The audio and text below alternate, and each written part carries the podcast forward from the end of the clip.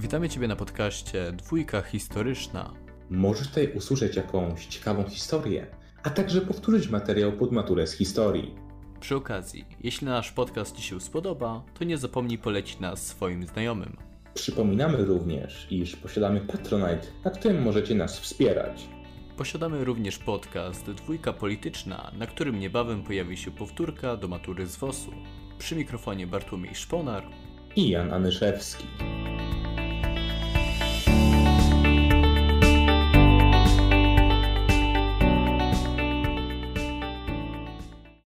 Halo, halo, witam wszystkich bardzo serdecznie. Z tej strony Jan Anyszewski. No, witam wszystkich na podcaście Dwójka Historyczna. E, na wstępie tylko powiem, że postanowiłem, iż sobie dzisiaj poeksperymentujemy z formułą. Jako iż ostatnie odcinki były pisane na podstawie scenariusza napisanego wcześniej, ogólnie większość była czytana, jakieś tam były lekkie dopowiedzenia z mojej strony. E, jeszcze tylko sprawdzę, się nagrywa. Pff, nagrywa się, dobrze. To tak w tym wypadku po prostu pociągnę longiem, takie postaram się omówić punkty, jakie sobie wypisałem. I, e, I dzisiaj przyjrzymy się ogólnie sytuacji dynastii Andegawenów na naszym terenie, czyli rządów Ludwika Węgierskiego i Jadwigi Andegaweńskiej. E, najpiękniejsze kobiety na polskim tronie, swoją drogą, Wielkiej Kraszuwy, e, mo, mojej osobistej Wielkiej Kraszuwy. I cóż mogę powiedzieć? E, To może na początku cały zarys omówmy. Otóż, jak zapewne pamiętacie, mm, Kazimierz Wielki zmarł w 1370 roku mm, bezpotomnie, niestety. E, Nie miał syna, miał sporo córek, w łóżku też był dosyć... e, W łóżku potrafił się pobawić, ale niestety nie miał syna żadnego. I pojawił się problem sukcesji. Sukcesji w przypadku właśnie jego bezpotomnej śmierci. I tutaj pojawiły się umowy z Andegawenami, jakie e, zawar, zawarli piastowie. E, jakie zawarli piastowie z Andegawenami w przypadku bezpotomnej śmierci któregoś, któregoś z władców. I jako ciekawostkę mogę powiedzieć, tutaj takie parę ciekawostek będzie, ciekawostek fajnych, że pierwszą umowę e, zawarł już Władysław Łokietek e, z Karolem Robertem, królem Węgier. E, dotyczyła właśnie ona tej e, sukcesji. Została wtedy właśnie Elżbieta Łokietkówna e, posłana jako żona dla Karola Roberta. To taki mariaż królewski został zawiązany między obiema dynastiami. A cała umowa została już po śmierci Łokietka, przejęciu władzy przez Kazimierza Wielkiego, odnowiona e, na zjeździe w Wyszehradzie w roku 1939. Także e, już od tamtego czasu mieliśmy dość duże powiązania z Węgrami. Końcu, jak to mówią, Polak, Węgier, dwa bratanki. Nie, no, nie zawsze tak było, niestety, ale e, były momenty w większości w sumie, kiedy to pokazywaliśmy naszą przyjaźń z każdej strony. Jako ciekawostki, ko- kolejną ciekawosteczkę moją, świetną, mogę powiedzieć, że e, Kazimierz Wielki miał jeszcze takie swoje prywatne plany na, na temat y, swojej sukcesji. Ba nawet w testamencie je zapisał. I e, usynowił sobie wnuka. Mm, konkretnie był to Kaśko Słupski. Słupski pochodził ze Słupska, e, czyli tam z Pomorza, tego typu rejonów. I chciał go posadzić na tronie po śmierci Ludwika Węgierskiego, czyli pierwszego króla z dynastii e, Andegawenów. Na, na szczęście, nieszczęście, wydaje mi się, że na nasze szczęście e, dokument ten został, testament został obalony przez zwolenników dynastii andegaweńskiej, gdyż był uznawany za, jakby to powiedzieć, po prostu niezgodny z prawem y, umów, jakie zostały zawiązane m.in. przez Łokietka i w Wyszehradzie w 1939 roku. Jeszcze taką ostatnią moją ciekawosteczkę na temat y, takiej przedmowy powiem, że właśnie ten, y, właśnie ten zjazd w Wyszehradzie w 1939 roku był tym słynnym pierwszym zjazdem, który jest przedstawiony na, jeżeli ktoś był oczywiście w Wyszehradzie, tam są różne takie posągi y, ucztujących królów. To, jest, to jest chyba Polski, Węgier i Czech, ale mogę się w tym wypadku mylić. I właśnie yy, dotyczą one właśnie tego zjazdu w 1969 roku. No i były takie podwaliny. No, oczywiście żartuję, ale to można nazwać takimi e, lekkimi podwalinami pod Unię Wyszehradzką z lat 90. Ale dobrze, przejdźmy do kolejnej ważnej kwestii, jaką jest no, panowanie Ludwika Węgierskiego, pierwszego króla z dynastii Andegawenów. Zaczął on panować w roku 1370, a, natomiast skończył, bo mu się umarło niestety, w roku 1382.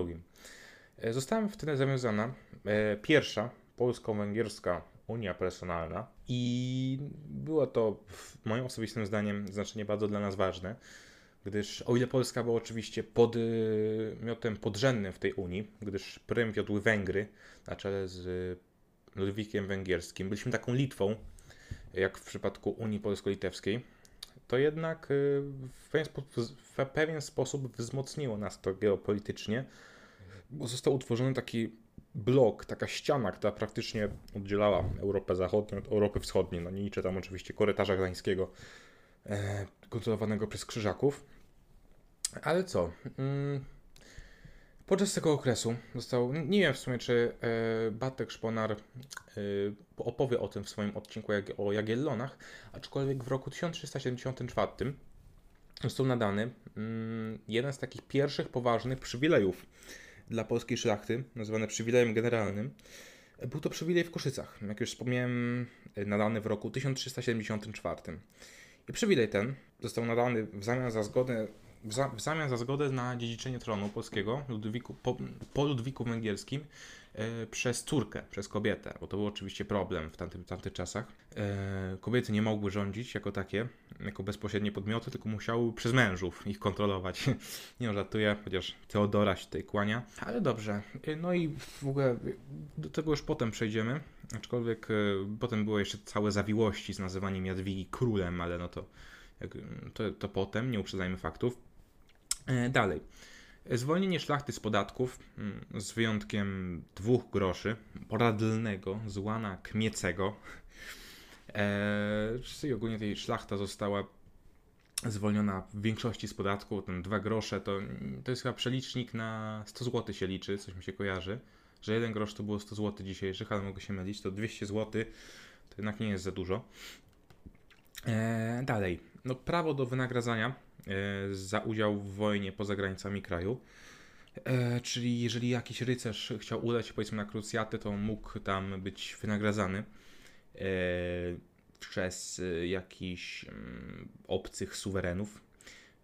Między innymi wykorzystał to Zawisza Czarny podczas swoich eskapad na Węgry, gdzie się, to na, gdzie się napierdzielał z Turkami.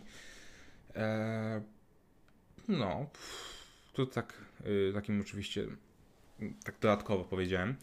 E, dalej, obowiązek e, wykupu szlachcica z niewoli, jeśli dostał się do niej podczas wyprawy poza granicę kraju, oraz y, oczywiście zobowiązanie do nadawania urzędu starosty wyłącznie Polakom, a, urzędom ziemskim, a urzędów ziemskich y, wyłącznie szlachcie z danej ziemi. E, no, ten przywilej na pewno namieszał trochę w ogólnej mm, polityce e, etnicznej Polaków, gdyż jak pamiętacie zapewne, Kazimierz Wielki był wielkim przyjacielem Żydów między innymi, ogólnie takich mniejszości. Mm, i domyślam się, że za jego rządów taki przywilej nie zostałby nadany, chociaż oczywiście jak wszyscy wiemy polityka to różna sprawa, ale Ogólnie panowanie Ludwika Węgierskiego w Polsce nie było jakieś bardzo kolorowe. Nie odchodzi, że jakieś miał tam wielkie problemy tego po prostu się naszym krajem nie interesował zbytnio. Mm, władzę oddał Elżbiecie Łokietkównej, która została regentką. E, takie wow, było wielkie, bo kobieta, nie? Jak baba została regentką. Z tego powodu e, strofowali sobie z tego powodu e, możnowładcy. Mm, ale ogólnie to nie mieli jakichś e, większych problemów co do tego. I to właśnie Elżbieta Łokietkówna zarządzała głównie skarbem lokalnym, polskim, e, jakieś pomniejsze przywileje lokalne nadawała, e, nadawała e, urzędy, natomiast e, Ludwik Węgierski jakieś ważniejsze decyzje podejmował, jak właśnie ten przywilej w Koszycach z 74 roku. I tak sobie przeżyli, żyli, żyli, a za wschodem, a na wschodzie naszego kraju brzmiało. Co, bo co, było na, co było właściwie na wschodzie naszego kraju? No była tam Litwa. Litwa, de facto ostat... która była de facto ostatnim krajem pogańskim w Europie.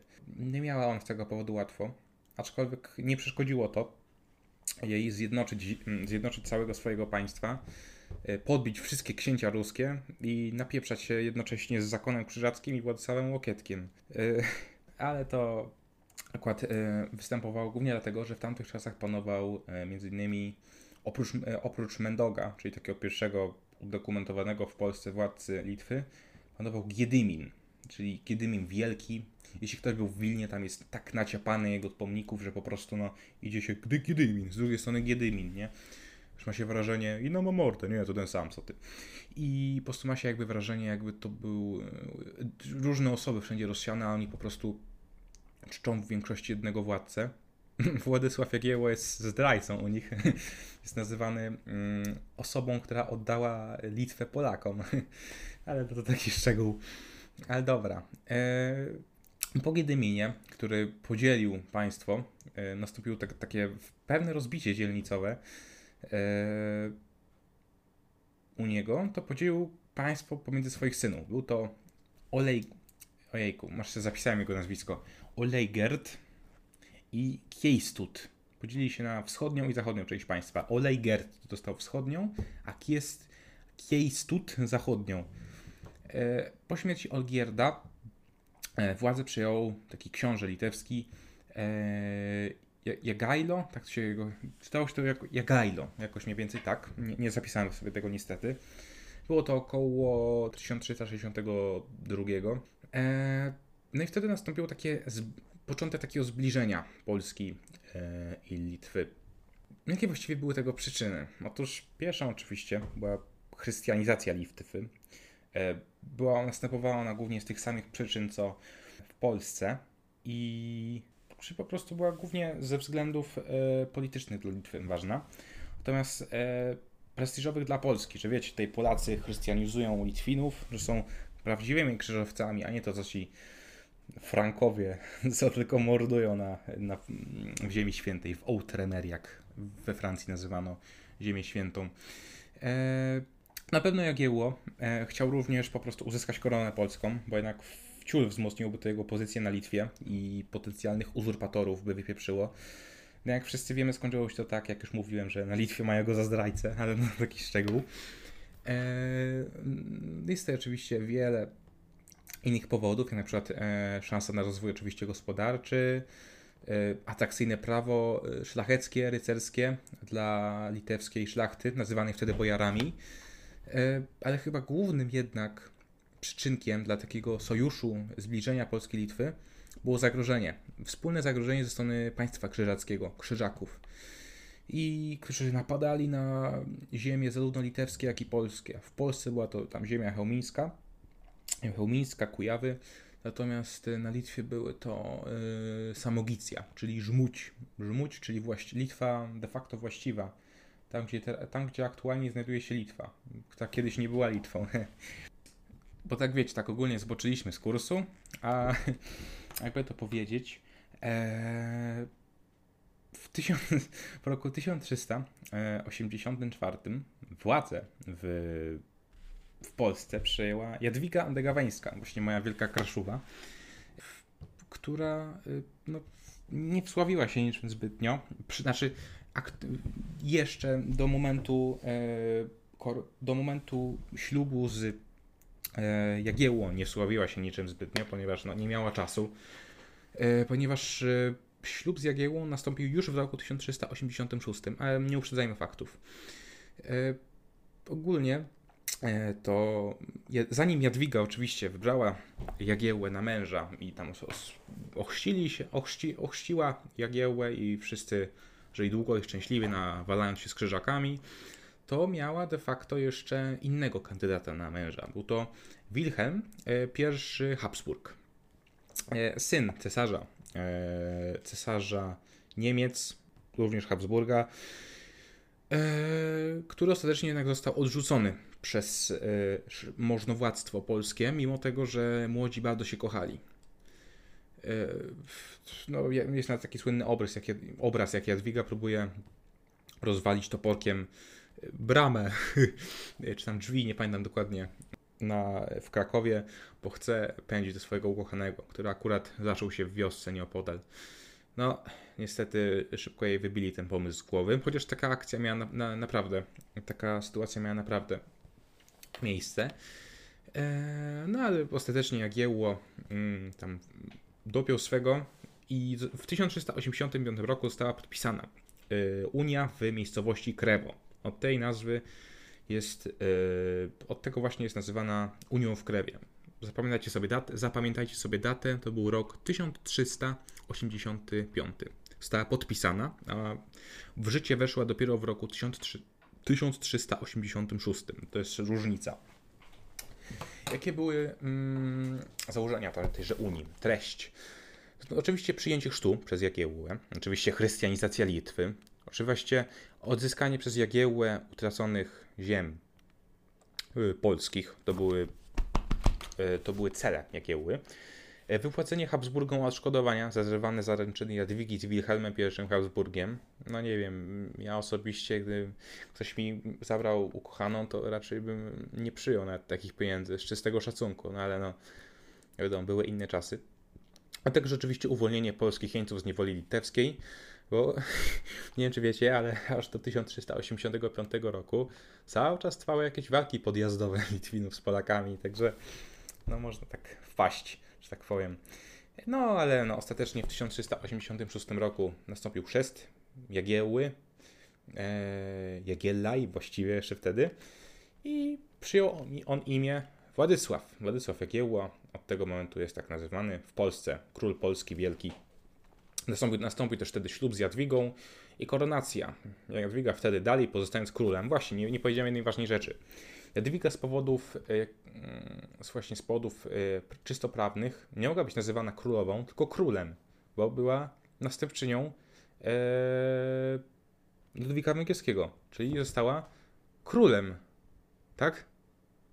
To jest bardzo ciężkie do zrozumienia, ale trudno to. No jakoś trzeba, musimy to przeboleć, że Jadwiga była nazywana królem Polski, a nie królową. To jest, musicie to po prostu zapamiętać. E, cóż, y, po koronacji Władysława II Jagiełły, Jadwiga, jak już zresztą mówiłem, zachowała status króla e, i posiadała pewne prawa, zrobiła sporo bardzo ciekawych rzeczy dla naszego kraju. Były to m.in.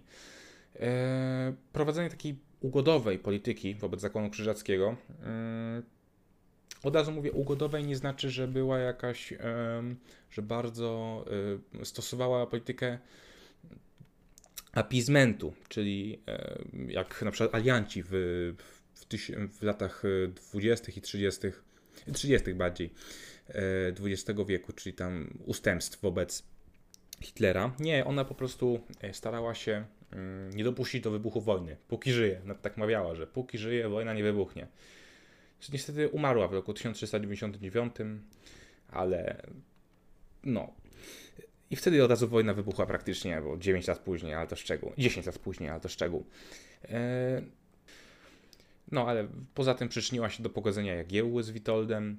E, Witold, czyli brat Jagiełły, bo ogólnie Witold, e, kiedy tam Jagiełło załatwiał sprawy w Polsce, to poddał, mm, znaczy bunt wywołał na w Wilnie, zajął Wilno i po, ponieważ nie chciał uznać jakby władzy Polaków, tak, ale ostatecznie mm, zosta, zosta, zostali obaj pogodzeni i wspólnie ruszyli na Grunwald, ale to, to już szczegół. E, no to tak. E, poza tym odzyskała Grodno na Rusi Halickiej, Rusi Czerwonej. Część tam poszła do jego, e, jego rodzeństwa na Węgrzech, a część sama zatrzymała. No także oddała klejnoty na odnowienie Uniwersytetu w Krakowie, który w sumie dzięki temu praktycznie 500 lat później był nasywany Uniwersytetem Jagiellońskim, właśnie z tego powodu. Niestety Jadwiga zmarła w roku 1300 99, mm, zostawiając w żałobie męża. Umarła głównie dlatego, że jej, jej dziecko, to była dziewczynka chyba, e, zmarło. Trzy dni później właśnie Jadwiga. Można powiedzieć, że z rozpaczy, jak Padma Amidala. Dobra, dość, dość tych żartów. No i niestety e, tak to się skończyło. E, ale poza tym... Ale poza tym to już jest historia na inny odcinek, bo ten już jest wystarczająco długi. Dziękuję Wam za uwagę. A Bartek opowie Wam o e, polityce Władysława Jagiełły ogólnie i Władysława Neńczyka i o tym, jak to żeśmy wpieprzyli krzyżakom pod Grunwaldem. Żegnam się i cześć. Dziękujemy za wysłuchanie podcastu. ponownie zachęcamy do jego udostępnienia i wsparcia nas w serwisie Patronite, gdyż każde wsparcie wiele dla nas znaczy. Cześć czołem!